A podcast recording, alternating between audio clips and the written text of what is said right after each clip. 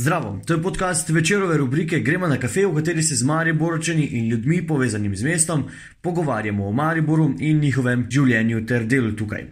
Tokrat smo na kavo povabili Reneja Puharja, producenta letnega kina Minoriti, predsednika Društva za razvoj filmske kulture in organizatorja kulturnih prireditev v Mariboru. Z njim bi lahko debatirali o mnogih temah, vrsto let deluje v mariborskem kulturnem sektorju, je prepoznaven obraz GT22, producent.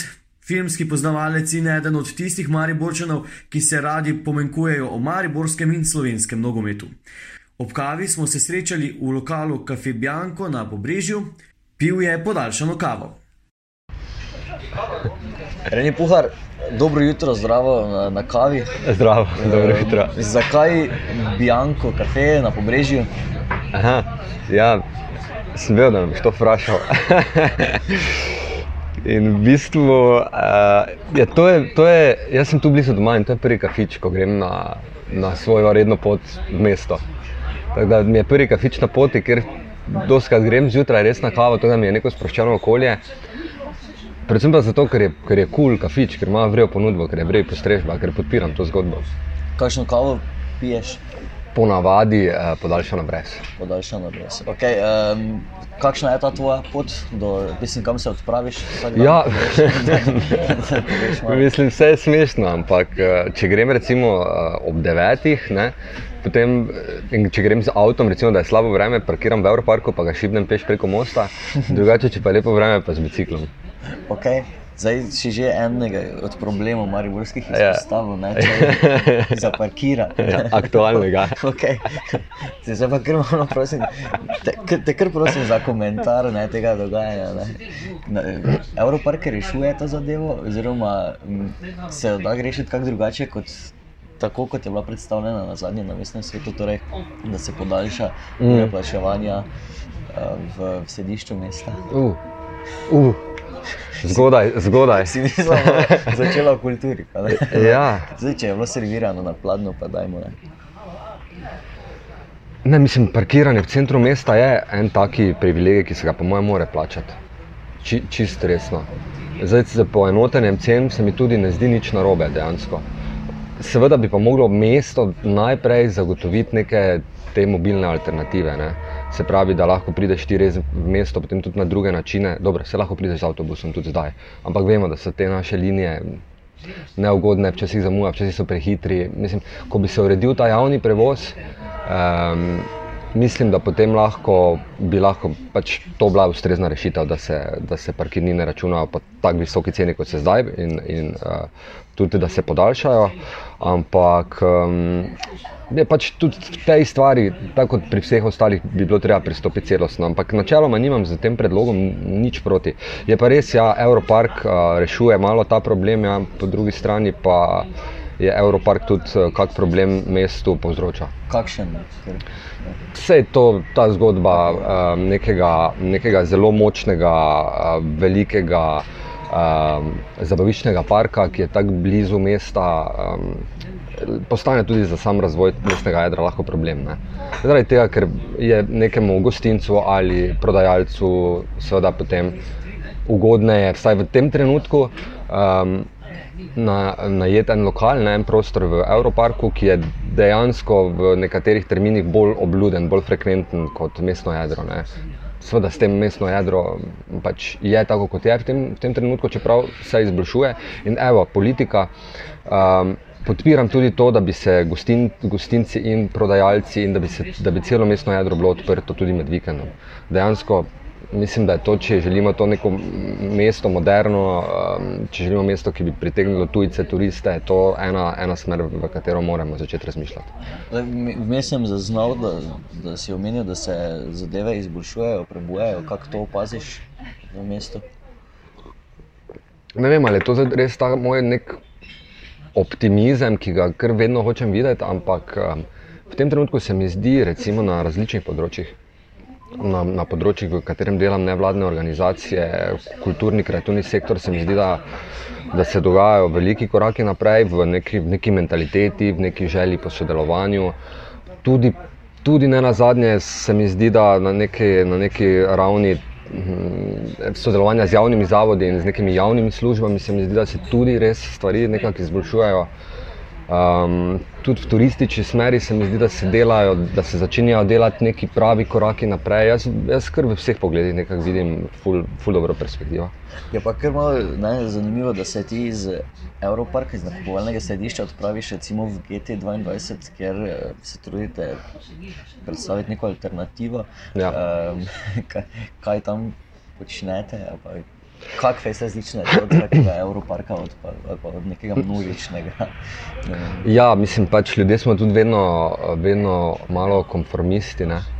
Uh, in seveda za ceno nekega višjega smisla, včasih moramo narediti tudi kaj eh, prekletega vmes, ne? oziroma pač kaj, eh, kaj takega, kaj direktno ni povezano s tem višjim smislom. Meni se zdaj to res ne bi zdaj, jaz bi tu eh, bolj papež kot papeža. ne. Um, ampak čisto res je, da če je le možno, grem z, s kolesom. Ja, Ne, re, re, Se sem, zdaj tudi izpadlo. eh, drugače pa v GT. Ja, eh, v GT. Mm, GT je ena zelo zanimiva zgodba, um, ki jo je začel Miha Horvat eh, leta 2012-2013, takrat na tistem prelomu EPK. Um, in je začel čisto organsko, um, organsko mislim, uh, brez neke jasne vizije, kaj naj bi to bilo. Enostavno se mu je zdelo, da je ena izjemna priložnost v centru mesta dobiti 1000 km2 v brezplačno upravljanje od privatnih lastnikov uh, družine Osed Tupis. Uh, in je rekel, to priložnost moram izkoristiti. In je začel potem organsko, brez, kot sem rekel, vizije, vabiti različne ljudi, posameznike, predvsem iz področja kulture, kreative in nekih urbanih športov, recimo skajtanja. Pa tudi medijev, je tudi radio tam ne, v GT-u. In evo, danes je 2019, po šestih, sedmih letih je to zraslo v en res ogromen konglomerat različnih organizacij in posameznikov, ravno z teh področji radio, medijev, kulture, kreative in urbanega športa. In tudi, tudi gobari, čebelari, se pravi, te neke samooskrbne zadeve, najdejo streho v GT-ju. In ponudba je neverjetna. Zdaj smo dali ven tak za, za september, oktober in imamo vsak dan približno en dogodek, če bi to tako razporedil po dnevih. Um, kar je ogromno. Uh, zdaj pa smo, po mojem, pač pred temi novimi izzivi, da vso to maso, um, ki jo proizvajamo, zapakiramo in predstavimo na način, da bo, da bo širši javnosti zanimiva. Ker definitivno se pa ukvarjamo z tem problemom oziroma izzivom, da nas širša javnost, kljub temu, da vse to delamo, eh, ne, po, ne pozna. Da vseeno, da vseeno delujemo v enem oskem krogu, ne vem, nekaj procentov prebivalcev Maribora. In to, to je ne na zadnje, tam mogoče tudi ta širši problem mm, nevladnih organizacij, pa mogoče tudi javnih zavodov, no, v določeni meri na področju kulture, da, da nagovarjamo le nekaj procentov prebivalcev Maribora. Tako da tu zdaj v GT-ju želimo narediti, bi rekel, v nekem naslednjem obdobju en korak naprej. Kakšna je tvoja vloga v, v GT2? Uh, kot sem rekel, je v GT2 več različnih uh, organizacij deluje. In um, jaz konkretno uh, delujem, oziroma sem predsednik Društva za razvoj filmske kulture. Uh, in pa seveda smisel GT je ravno v tem, da se povezujemo ne? in da se tudi neka, neka delovna področja med sabo povezujejo. Se pravi, da jaz ne delam več samo nekih producentskih del uh, za društvo, ampak da se vključujem in pomagam tudi drugim organizacijam in obratno. Se pravi, da se ta nek know-how deli in se preko tega uh, želi vzpostaviti uh, specializacija, v bistvu neka, neko kvalitetno upravljanje delovne naloge in profesionalizacija na, na horizontali. Veš, eh, Okay, okay. Ja. Zdaj, če ti delaš, delaš torej pomagaš eh, okolju, ampak v, v osnovi si rekel, da se ukvarjaš z filmsko, Tako, tako. s filmskimi zadevami. To lahko kar takoj povežemo z, z mestnim kinom, eh, z- tudi z letnim kinom na minoritih. Ja. Eh, Kak si zadovoljen z letošnjo izvedbo? Moram povedati, da sem zelo zadovoljen, ker um, rastemo. Letos um, je bilo 4000 obiskovalcev, se pravi rekord, tretja edicija je bila letos. Um, tudi to sodelovanje med nami, uh, med javnim zavodom, podjetjem, eh, nevladno organizacijo, kar smo mi, uh, in kooperativo Peron, ki se pravi z gostinskim ne, ponudnikom, um, je če primerjam zdaj dve, tri leta nazaj, dosti bolj kvalitetno, uh, dosti, dosti boljše se razumemo in mislim, da, um, da že cel dogodek to odraža uh, in da tudi v prihodnih letih bom, bo še, še dosti rezerve in mislim, da jo bomo v tem partnerskem sodelovanju znali, znali izrabiti. Um, ja. Je zdaj, je, so minoriti tisti plac, kjer bo zadeva ostala, kjer, bo, kjer pač je mesto? Jaz mislim, da ja, zato ker se je tako dobro prijela. Čeprav je res, da se letni kino prijel dobro že v Trinskem dvoru na piramidi, da se, trinski, eh, da se, da se letni kino v Mariboru zelo dobro prime. Vse se tudi druge. Uh, ampak se mi zdi, da ti minoriti, z, ki imajo eno fantastično prednost tudi v tem, da imajo streho in da imajo možnost, da projekcijo predstavimo v tem noter, v notranjo dvorano, kot, kot organizator nekega letnega dogodka, si vedno nervozen, pa gledaš vreme. Ne. Tu dejansko imamo, imamo malo bonusa, ne. da ne rabimo odpovedati projekcije v primeru slabega dežja. Uh, pa tudi ambient je fenomenalen, ljudje so, ljudje so ga super sprejeli, navdušeni so nad lokacijo. Tako da jaz, jaz mislim, upam, da, da to bo tradicionalna lokacija. Kar pa ne pomeni, da ne moremo narediti letnega kina še kje drugje. Recimo lani smo ga delali na a, tem dvorišču osnovne šole France Prešern, a, projekcija filma Slovenija, Avstralija, jutri ves svet za gosti in je tudi bilo polno. Kaj, kako pa gledaš na to neko pomankanje, še vedno neke alternativne, mislim, dvorane so v Mariboru, ampak mm -hmm. ni pa predvajanih filmov v Mariboru.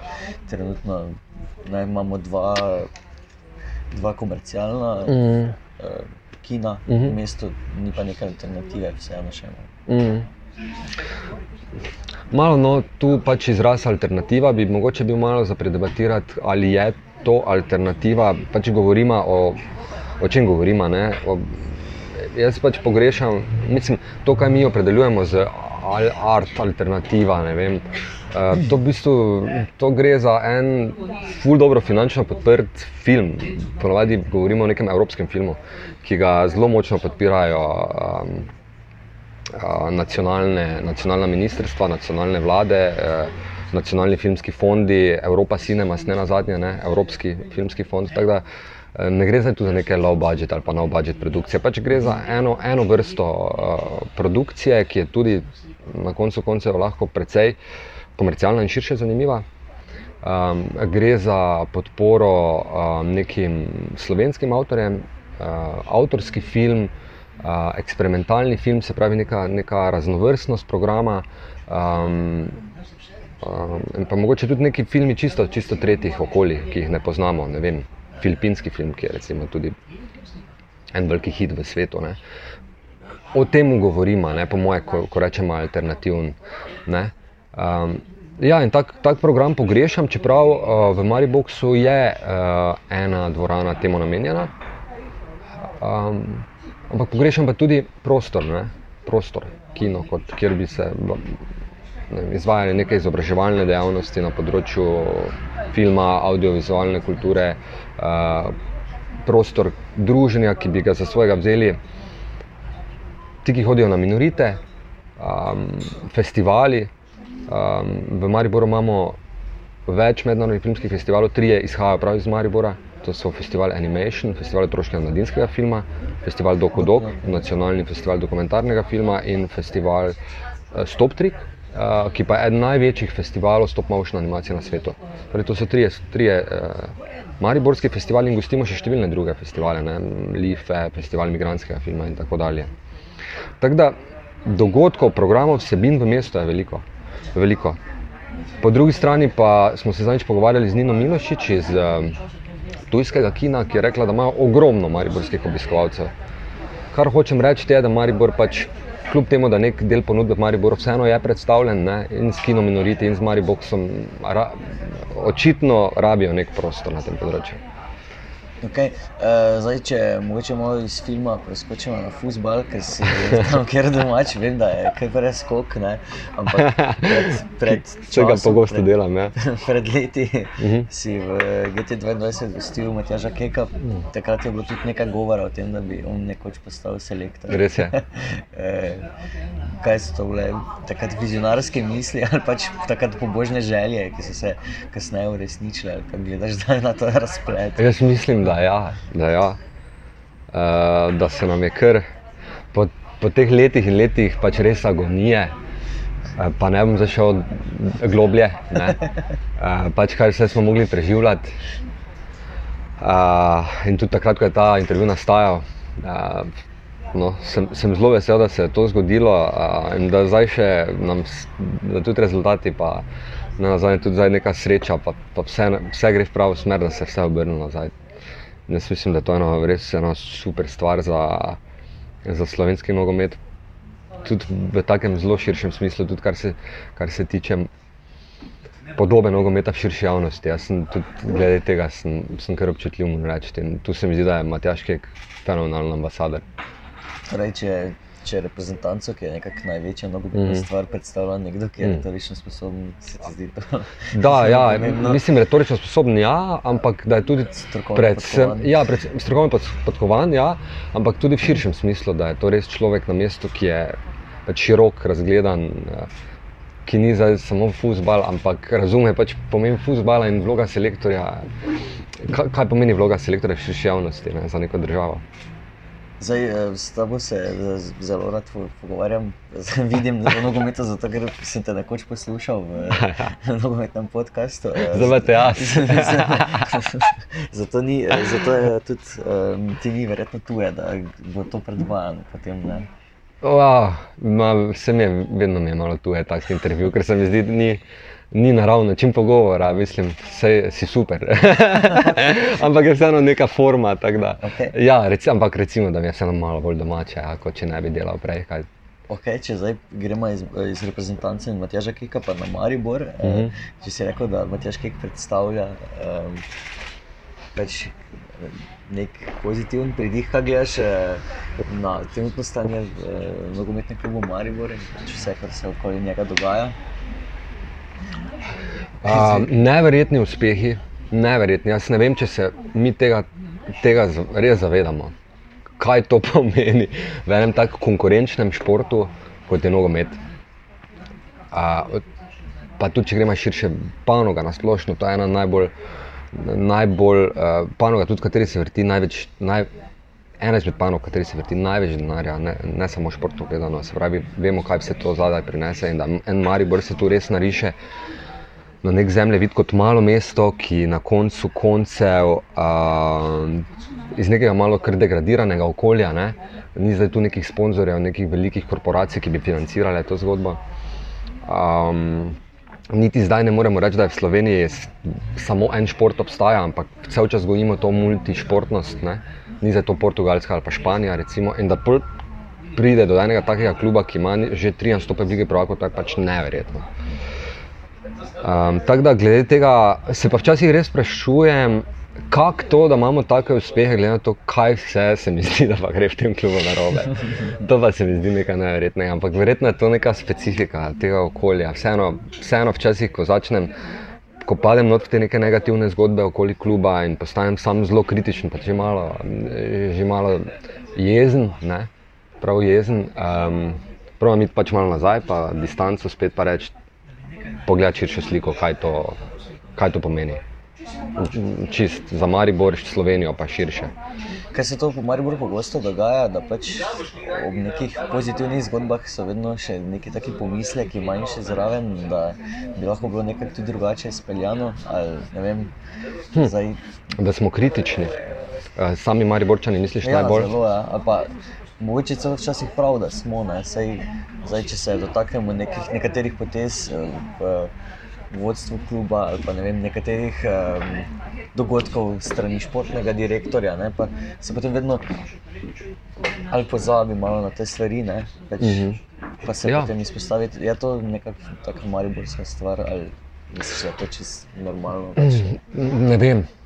Res ne vem, ker nisem, živim samo kot Mariborčan že celo življenje.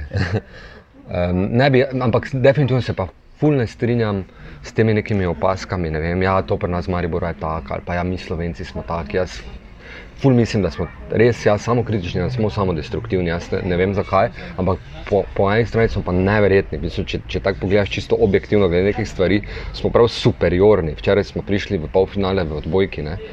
Mislim, tudi to je izjemen uspeh Jaz sem glede športnih uspehov zelo znam biti tudi tako malo selektiven, ker niso vsi športi, ne moremo jih sedati na isto premico, oni so bolj konkurenčni, ali manj.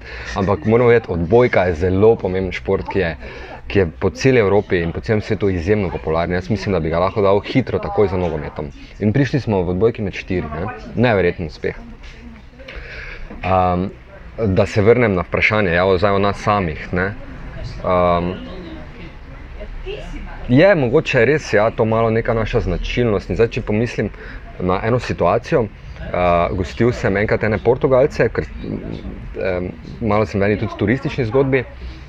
Želim, želimo si malo. Uh, Mariborsko turistično ponudbo narediti bolj zanimivo in jo približati nekim uh, novim skupinam turistov, ki upamo, da bodo v, bodoče obiskovala mesto. Um, sem gostil ene Portugalce in jaz tako usput na, eni, na enem takem pogovoru, zvečer v pivu, jaz povem, da pač tu je Zahovič v Mariboru in da on hodi po ulici in da ga lahko srečamo, da sem ga že večkrat srečal, sem se zelo pogovarjal z njim.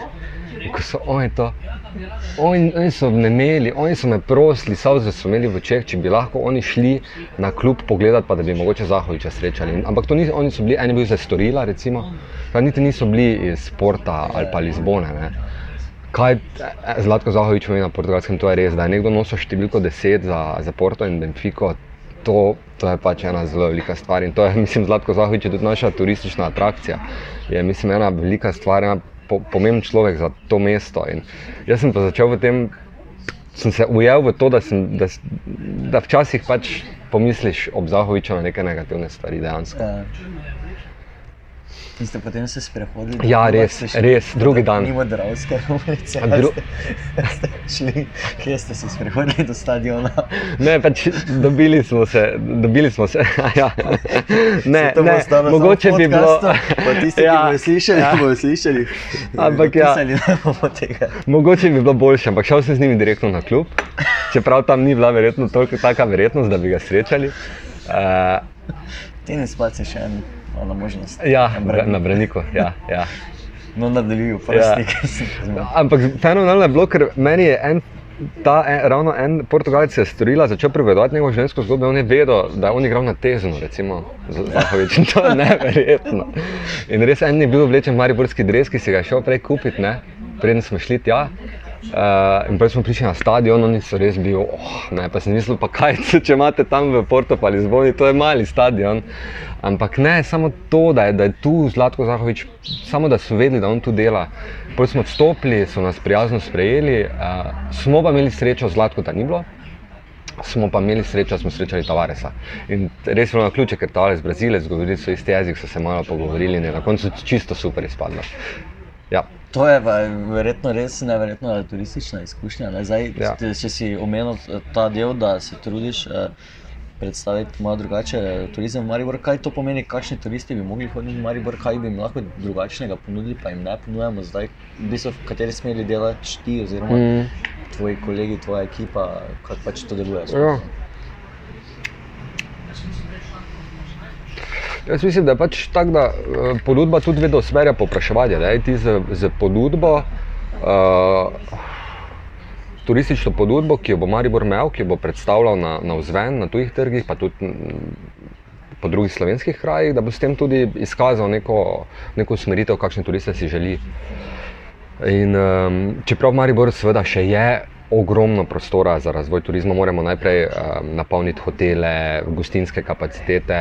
Um, uh, v mesto pritegni toliko turistov, da se bo splačalo imeti trgovine odprte v nedeljo in tako dalje. Ampak vseeno pa bi mogoče, da je, se mi zdi pa, da je zdaj pravi trenutek za Maribor, da je Maribor v bistvu na nek način pra, v, v turističnem smislu v pravem času na pravem mestu, da ne ponovi mogoče nekih, nekih, tudi nekih napak, ki so se na tem področju zgodila, recimo tudi Ljubljani.